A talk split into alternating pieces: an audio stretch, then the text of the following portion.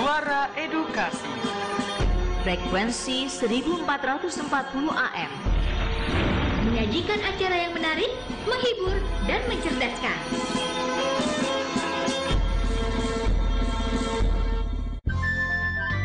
Waktu berputar dan perjalanan peristiwa pun berjalan. Ikuti terus info edukasi, sebuah informasi pendidikan dari Radio Edukasi.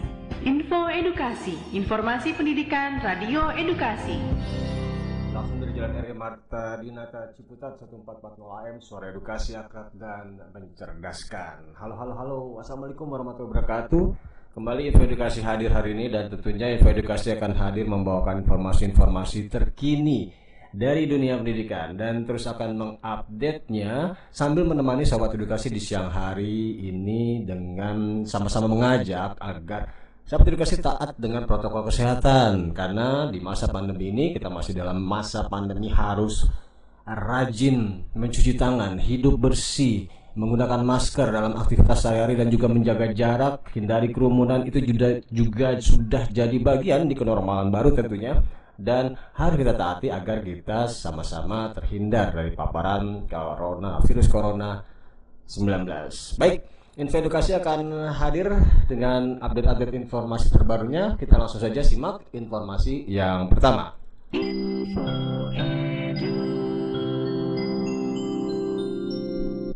Informasi pertama Kemendikbud uh, ini meluncurkan buku buku Karir Industri Film Indonesia di mana Kemendikbud Ristek melalui uh, Dirjen Kebudayaan sebuah buku bertajuk Peluang Karir Industri Film Indonesia diluncurkan di Rabu 18 Agustus 2021. Buku yang ditujukan bagi insan perfilman ini ini mengulas tiga pokok penting di industri film yaitu mengenai ragam profesi, lalu juga uh, himpunan regulasi di bidang perfilman dan glosarium atau juga daftar istilah. Di sambutannya, Mendikbudristek melalui uh, daring menyebutkan selama satu setengah tahun industri perfilman menjadi salah satu industri yang paling berdampak selama pandemi ini dan meningkatnya kasus COVID-19 di berbagai daerah membuat industri ini harus menyesuaikan dan mengalami perkembangan yang pesat termasuk mengubah cara kerja insan perfilman. Berikut sahabat edukasi sambutan Mendikbud Ristek Nadiem Anwar Makarim saat peluncuran dan bedah buku peluang karir industri film Indonesia. Assalamualaikum warahmatullahi wabarakatuh. Salam sejahtera bagi kita semua. Om Swastiastu, Namo Buddhaya, Salam Kebajikan, Rahayu. Yang saya hormati, Direktur Jenderal Kebudayaan, Direktur Pembinaan Tenaga dan Lembaga Kebudayaan, rekan-rekan insan perfilman, dan para hadirin yang berbahagia. Sebagai penikmat film, pertama perkenankan saya mengucapkan terima kasih pada rekan-rekan insan perfilman yang terus berupaya melahirkan karya-karya berkualitas. Khususnya pada satu, satu tahun setengah terakhir ini, yakni di masa pandemi yang penuh tantangan dan keterbatasan. Sungguh luar biasa. Seperti yang kita tahu bersama, industri perfilman ini menjadi salah satu sektor paling terpengaruh oleh pandemi. Baru saja di tahun 2019 lalu, industri perfilman kita mengalami perkembangan yang pesat. Peningkatan pada jumlah penonton, film yang didistribusikan, dan jumlah gedung bioskop. Kemudian pandemi mengubah begitu hal, begitu banyak hal termasuk cara kita bekerja dan berkarya. Kita harus menerima dan beradaptasi dengan kenyataan tersebut. Kemudian bersama-sama membangun kekuatan untuk memulai episode yang baru. Ibu dan Bapak hadirin yang saya hormati, tantangan di episode berikutnya mungkin akan lebih besar dan lebih rumit. Oleh sebab itu, semangat para insan perfilman Indonesia harus diperkuat dengan peningkatan pengetahuan dan kemampuan. Kementerian Pendidikan Kebudayaan Riset dan Teknologi melalui Direktorat Pembinaan Tenaga dan Lembaga Kebudayaan berupaya meningkatkan kualitas SDM perfilman melalui penerbitan buku Peluang Karir Industri Film Indonesia.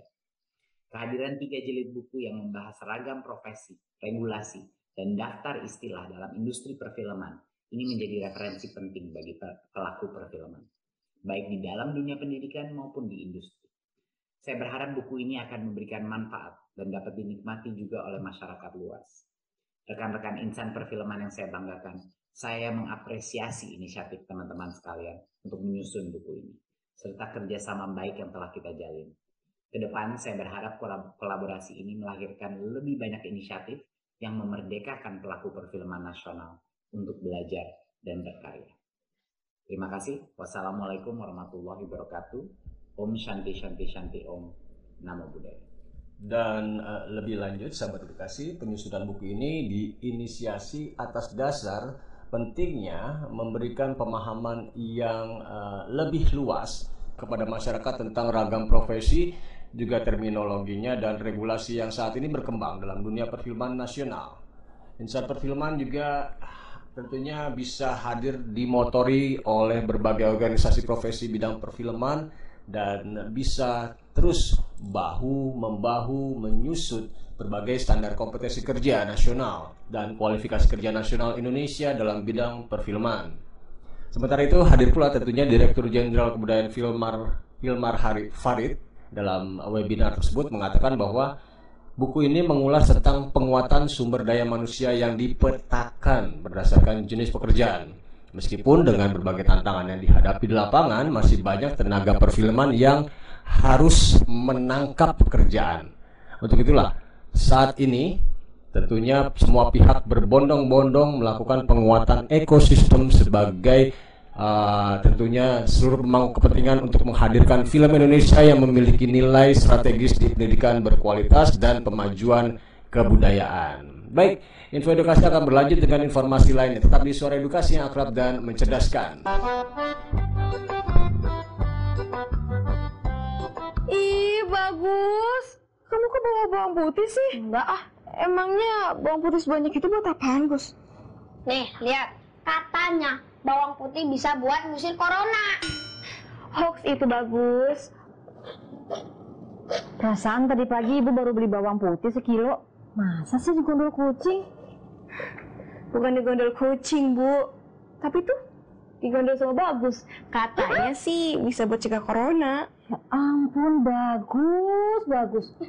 Ih, kamu itu kalau mengusir corona, cuci tangan, pakai masker, jaga jarak, Gus. Bukan nyembelin bawang putih ibu. Kan ibu mau masak jadi susah, Gus. Hmm. Kalau pengen jadi artis jangan lupa makan kolak. Asik. Saatnya berpikir kritis dan gampang percaya hoax.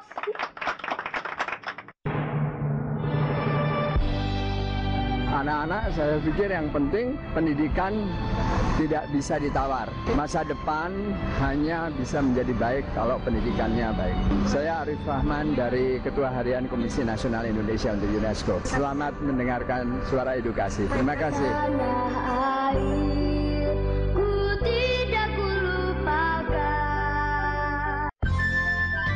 Waktu berputar dan perjalanan peristiwa pun berjalan. Ikuti terus info edukasi, sebuah informasi pendidikan dari Radio Edukasi. Info Edukasi, informasi pendidikan Radio Edukasi. Kembali Abu Ramani di Info Edukasi dan didengarkan melalui web atau laman suaraedukasi.kemdikbud.go.id. Baik, kita lanjut Info Edukasi untuk informasi uh, berikut uh, terkait uh, Mendikbudristek yang menyebutkan bahwa uh, hikmah pandemi ini mengakselerasi transformasi sektor pendidikan di mana Mendikbud Ristek Nadim Anwar Makarim mengatakan bahwa pandemi telah mengakselerasi berbagai macam perubahan di sektor pendidikan. Beberapa agenda dari agenda transformasi pendidikan yang disusun sebelum pandemi ini mau tidak mau dipercepat karena pandemi. Perubahan pertama menurut Nadim adalah cara mengukur capaian pendidikan melalui asesmen nasional yang akan dilakukan di semester keempat tahun 2021. Asesmen nasional ini akan berbasis kompetensi dasar literasi dan numerasi yang akan mengikuti standar dunia yaitu Program for International Student Assessment atau PISA. Selain itu, asesmen nasional juga akan dilengkapi dengan survei karakter dan survei lingkungan belajar yang mampu memberikan gambaran lebih dari holistik mengenai kualitas pembelajaran dan juga Mendikbudristek dalam diskusi daring ngobrol Tempo bertajuk Indonesia Tangguh dengan SDM Unggul yang dilaksanakan di 18 Agustus kemarin ini disebutkan ini merupakan suatu perubahan yang sangat fundamental di mana dalam mengukur kinerja sekolah yang tidak berdampak pada individu, guru, dan murid karena itu merupakan potret sekolah. Kemudian bagaimana kepala sekolah dan guru-gurunya bisa mengubahnya. Di jenjang pendidikan dasar dan menengah, Kemendikbudristek sedang mendorong perubahan pembelajaran di kelas yang memberikan porsi lebih besar pada project based learning Nadiem menyebutkan anak-anak belajar secara berkelompok untuk menciptakan karya-karya atau proyek sosial yang mengasah kreativitas dan kolaborasi mereka dan menjadi pelajar Pancasila. Sementara itu, faktor kepemimpinan juga dinilai sangat penting untuk mengubah budaya pembelajaran dalam sekolah. Untuk itu, melalui program pendidikan guru penggerak, pemerintah menyiapkan calon-calon pemimpin pendidikan masa depan Kelak para, lulusan program pendidikan guru penggerak ini akan menjadi calon kepala sekolah, pengawas sekolah, serta penggerak perubahan di sekitarnya. Dan sementara itu, untuk jenjang pendidikan tinggi, Kampus Merdeka terus mendorong perubahan total konsep pembelajaran di perguruan tinggi. Mahasiswa, menurut Nadim, akan menganggap pembelajaran di dalam program studi dan di luar program studi sebagai hal yang sama pentingnya untuk meningkatkan kompetensi. Di sisi lain, program dana padanan atau matching fund yang juga dilakukan oleh Kemendikbudristek ini dihimpun melalui platform Kedai Reka yang dinilai sebagai salah satu insentif tersukses yang pernah diberikan pemerintah dalam menarik industri berpartisipasi dalam pembelajaran di perguruan tinggi. Mereka, para industri tersebut mengeluarkan rupiah dan kita keluarkan rupiah yang sama ini juga menjamin relevansi produk riset perguruan tinggi. Lalu juga perubahan dalam penganggaran di sektor pendidikan yang mengalami transformasi yang lebih berkeadilan selain transfer langsung ke rekening sekolah di tahun 2021 pemerintah telah menyesuaikan besaran dana operasional sekolah atau dana BOS bagi sekolah-sekolah yang berada di wilayah 3T. Besarannya disesuaikan dengan indeks kemahalan masing-masing wilayah. Karena menurut Nadim, keseragaman belum tentu berkeadilan. Baik, info edukasi tentunya akan hadir dengan informasi lainnya. Tetap di sore edukasi yang akrab dan mencerdaskan.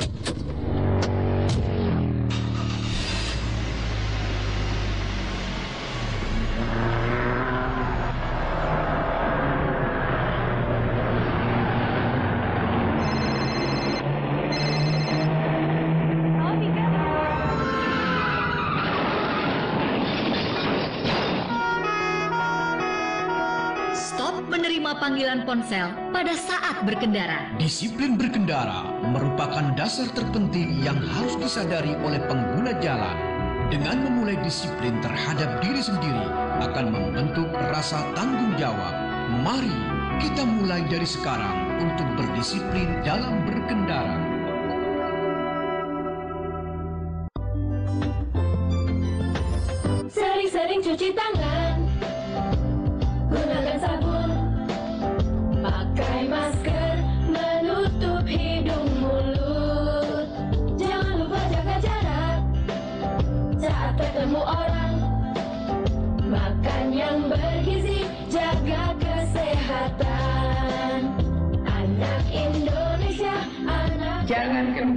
Jaga kesehatan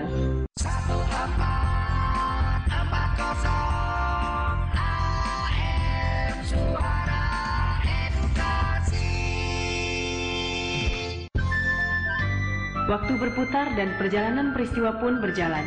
Ikuti terus info edukasi, sebuah informasi pendidikan dari Radio Edukasi. Info Edukasi, informasi pendidikan Radio Edukasi. 440 AM, suara edukasi akrab dan mencerdaskan. Aku Ramadi masih di Info Edukasi dan kita lanjut untuk informasi uh, terkait kebudayaan. Uh, terkait majukan kebudayaan, ini Kemendikbudristek membentuk uh, lembaga manajemen kolektif musik tradisi Nusantara, di mana Kemendikbudristek melalui Direktorat Jenderal Kebudayaan menyelenggarakan sidang pra-kongres guna membentuk lembaga manajemen kolektif atau LMK musik tradisi Nusantara sebagai bentuk komitmen perlindungan terhadap musik tradisional Indonesia Kegiatan Prakongres sendiri ini resmi dibuka secara daring di 20 Agustus kemarin dan kegiatan Prakongres diawali dengan pendekatan musik tradisi Nusantara guna melindungi kekayaan intelektual para musisi tradisi. Acara ini berlangsung eh, akan berlangsung hingga 30 Agustus dengan mengundang sejumlah pemangku kepentingan seperti pelaku seni musik tradisi, akademisi, pakar kekayaan intelektual, ada juga Kementerian Hukum dan Hak Asasi Manusia, Kementerian Pariwisata dan Ekonomi Kreatif, serta Kementerian Lingkungan Hidup dan Kehutanan. Direktur Perfilman Musik dan Media Baru, Direktur Jenderal Direktorat Jenderal Kebudayaan Kemendikbudristek Ahmad Mahendra mengatakan Prakongres adalah tindak lanjut arahan Mendikbudristek Nadiem Anwar Makarim untuk menyusun kebijakan tata kelola perlindungan kekayaan intelektual bagi musisi tradisi uh, Nusantara tentunya. Dan uh, ia juga menyebutkan Prakongres ini akan membahas permasalahan yang mendasar dan mencari solusi cara mengatasi terutama pada musik tradisi Nusantara. Untuk itu diharapkan Bapak Ibu pegiat budaya untuk memberi urun rembuk, ide dan gagasan. Dan ah, pada akhir acara puncak yaitu Kongres Musik Tradisi Nusantara ini bisa menghasilkan rekomendasi untuk bisa menjalankan amanah undang-undang pemajuan kebudayaan. Lalu hadir pula tentunya Ketua Komunikasi Karawitan Indonesia atau KKI MB Senur mengatakan kami para pegiat budaya tradisi yang tergabung dalam Perkumpulan Komunikasi Karawitan Indonesia menyambut dengan penuh semangat dan harap atas inisiatif ini. Dan dijelaskan pula oleh Direktur PMMB ini Penyelenggaraan Prakongres sejalan dengan semangat Undang-Undang Pemajuan Kebudayaan di mana pemerintah memfasilitasi pencatatan dan dokumentasi musik tradisi Nusantara sebagai bagian dari objek pemajuan kebudayaan. Upaya penguatan musik tradisi Nusantara ini mencakup langkah perlindungan, pengembangan, dan pemanfaatan. Oke, info edukasi akan berlanjut dengan informasi lainnya. Tetap di suara edukasi akrab dan menjelaskan. Bagus, ibu mendadak harus ketemu Bu RT. Kamu belajar sendiri ya nak? Ibu percaya sama kamu. Ingat ya, mandiri. Iya, Bu.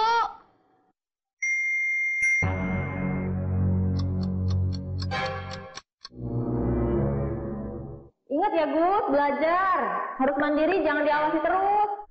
Terus, terus, tembak, tembak, tembak. Nah, tembak lagi, tembak, Wih, kumpul, kumpul, kumpul. Hati-hati, hati-hati. Tembak lagi, tembak, tembak, tembak, tembak. Ayo.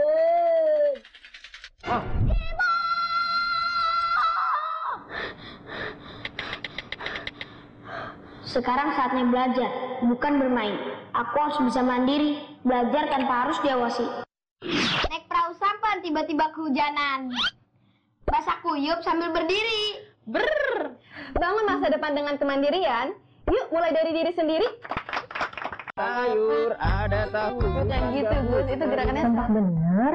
Eh, ini Bu, kita lagi bikin video untuk di media sosial, Bu. Oh, Sayur, sayur. lihat deh, ada Ibu Sarah. Untungnya bukan anak kita ya. Pakai joget-joget di media sosial lagi. Jadi malu. Ini joget-jogetnya kayak gimana? Gak ada musik disco kan? Gak ada rambut ungu kan? Ibu mau lihat dong akun media sosial kalian. Teman-teman, kalau di luar negeri ada pesta dansa, kalau di Indonesia ada tarian pocok-pocok, di luar negeri ada salad, kalau di Indonesia ada juga makanan yang enak dan juga sehat. Tenang aja, Bu. Kita tahu kok media sosial isinya beragam, tapi kita berdua memilih bikin akun yang isinya tentang keberagaman Indonesia. Nah, Ibu mau nggak bikin konten bareng kita? Masak pepes tahu? Itu? Hah? Ibu belum bayar. Basket bolanya membal, jadi favorit si Ikal. Mantul! Kita bangga menjadi bagian budaya global, tapi cinta budaya lokal. Nama saya MB Senur. Saya cuma berpesan kepada eh, adik-adik pendengar suara edukasi agar rajin belajar, jangan terlalu asik nonton televisi, tapi juga dengarkan radio, terutama radio yang bermanfaat supaya eh, mendapatkan informasi hiburan yang berguna dan itu adalah eh, radio yang salah satunya di Suara Edukasi ini. Selamat mendengarkan. Waktu berputar dan perjalanan peristiwa pun berjalan. Ikuti terus info edukasi, sebuah informasi pendidikan dari Radio Edukasi. Info Edukasi, informasi pendidikan Radio Edukasi. Info edukasi di 1440 AM akrab dan mencerdaskan atau juga melalui streaming di web di laman suaraedukasi.kemdikbud.go.id. Baik, kita lanjut untuk informasi eh, semangat merdeka, semangat kemerdekaan di mana negara di negara-negara lain pun kemeriahan eh, HUT RI ini diselenggarakan salah satunya dengan eh, yang ada di Amerika. Ini pembelajar kelas bahasa Indonesia di Amerika turut memeriahkan HUT RI ke-76 dan tentunya dalam menyambut peringatan hari ulang tahun ke-76 RI ini kedutaan besar Republik Indonesia KBRI di Amerika Serikat menggelar pertunjukan dengan judul Persahabatan Negeri Garuda dan Negeri Elang dilaksanakan secara virtual tentunya dan peserta pada pertunjukan ini merupakan warga negara Amerika Serikat yang tergabung di kelas bahasa Indonesia tingkat pemula dan tingkat menengah di musim semi tahun 2021 atas pendidikan dan kebudayaan Adikbud di Washington DC, Poppy Rufaida ini menuturkan pertunjukan ini membuktikan antusiasme pelajar kelas bahasa Indonesia yang merupakan warga Amerika dalam menyambut HUT RI ke-76. Dan Poppy mengucapkan sangat bangga banyak orang Amerika yang sangat cinta dengan Indonesia. Mereka antusias menunjukkan kehebatan mereka dalam berbahasa Indonesia melalui lakon-lakon yang dilaksanakan. Selain bertepatan dengan HUT ke-76 RI, di Agustus ini, bulan ini juga bertepatan dengan tahun ke-73 hubungan diplomatik Indonesia dengan Amerika. Dan Poppy menyebutkan harapannya, semoga dengan adanya program ini hubungan kedua negara semakin erat dan semakin hangat. Pertunjukan dipandu oleh pembelajar bahasa Indonesia tingkat menengah, yaitu Arshela Charter, dan juga seorang staf administrasi di sebuah organisasi nirlaba yang tinggal dan menetap di Richmond, Virginia, Arshel dan juga tentunya ini menjadi hal yang menarik. Salah satu pelajar, misalnya dari kelas pemula yang juga ikut meramaikan acara pertunjukan ini seperti Charlie Schulman yang seorang pelajar SMA tinggal dan menetap di Bethesda, Maryland dan juga ada kisah Charlie yang sudah belajar bahasa Indonesia selama satu tahun juga tak kalah menarik ada Jenica Berridge. Jenica adalah seorang konselor penerimaan atau juga admission konselor di Jersey City, New Jersey. Dan ia juga menyebutkan pengalamannya bahwa ini bukan pertama kali bagi Janika mengenal bahasa Indonesia karena sebelumnya ia telah mempelajari selama tiga bulan dan bahkan sempat tinggal di Indonesia selama enam bulan. Halo teman-teman, hari ini Ayu bakal membahas tentang buku batik. Ini tuh buku favorit banget. Gus, ya ampun bagus. Ibu tuh manggil kamu. Kamu itu dipanggil sama orang tua nggak dengar nggak jawab. Nggak sopan tahu. Lagi apa sih ini anak?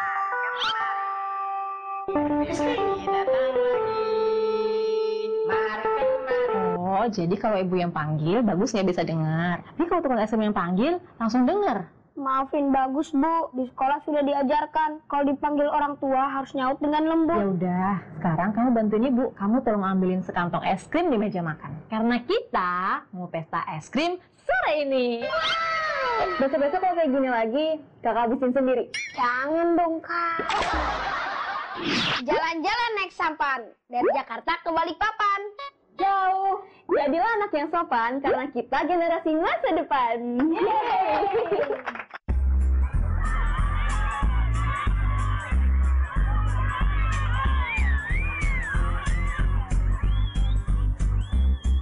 Ketika aku sedang santai, ketika aku sedang bermain, ketika aku sedang belajar, ku dengar suara edukasi.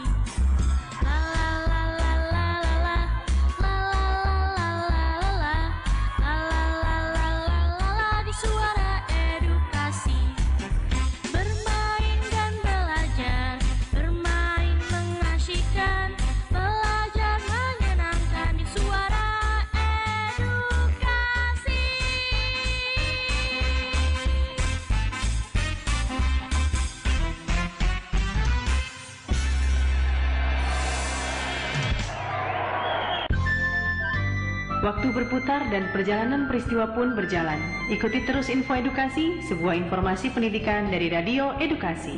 Info Edukasi, informasi pendidikan Radio Edukasi. Info Edukasi di 1440 AM akrab dan mencerdaskan. Kita sudahi keberadaan Info Edukasi hari ini dengan satu informasi menarik tentunya. Uh, ini sebuah prestasi anak bangsa di mana Kemendikbudristek ini memberikan penghargaan TEVA 2021 kepada 60 SMK yang terpilih. Melalui Direktorat Jenderal Pendidikan Vokasi Kemendikbudristek Dikti diberikan penghargaan Teaching Factory 2021 kepada 60 SMK terpilih yang telah merintis produk jasa di sekolahnya sesuai dengan kompetensi keahlian dan Direktur Jenderal Pendidikan Vokasi Wikan Sakarinto saat memberikan sambutan di TEVA Award 2021 secara daring ini berharap program bantuan TEVA dapat melahirkan peserta didik yang kompeten serta memiliki pengalaman berproduksi dan berwirausaha sebagai bekal dalam memasuki dunia kerja sekaligus mandiri dalam berwirausaha. Dilanjutkan, Wikan juga mengatakan TEVA harus bermula dari industri sehingga peserta didik dan sekolah dapat menciptakan produk berkualitas yang diterima oleh pasar dan menghasilkan proses berkesinambungan sebagai indikator keberhasilan. Dirjen Wikan juga menambahkan TEVA merupakan pengembangan dari pendidikan sistem ganda yaitu competence based training dan production based educational and training yang dilaksanakan oleh SMK dan diharapkan dapat menanamkan jiwa kewirausahaan bagi siswa. Baik, informasi tadi menutup kebersamaan kita di Info Edukasi hari ini. Selain ada program lain yang juga tentunya menarik untuk tetap disimak, menarik untuk tetap didengarkan hanya di Suara Edukasi Akrab dan Mencerdaskan. Keep safe sahabat edukasi, jaga protokol kesehatan dan jangan lupa tetap bahagia. Wassalamualaikum warahmatullahi wabarakatuh. Bye bye. Ingat pesan ibu.